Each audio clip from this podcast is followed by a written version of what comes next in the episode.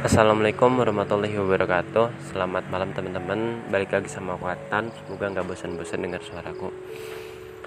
Sebenarnya episode tentang kuburan ini aku udah buat tadi ya.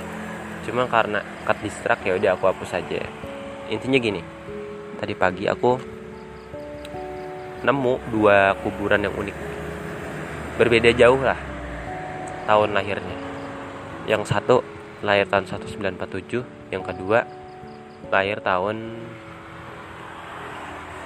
1981 terlepas dari mereka nikah atau emang hubungan bapak anak. Kalau emang menikah itu jauh banget. Di situ aku belajar oh iya jodoh itu emang cuma Allah yang tahu. Kita cuma bisa berencana nikah tahun ini. Faktanya nyata dia yang nikah tua nikah muda. Allah alam sih. Di samping itu aku juga berpikir kenapa kita punya rumah gede kalau akhirnya kita bakal dikuburkan? Di lahan yang sesempit itu. Cuma bagian tempat kita tidur. Satu kali dua meter atau kurang dari itu. Ya ini renungan buat kita semua.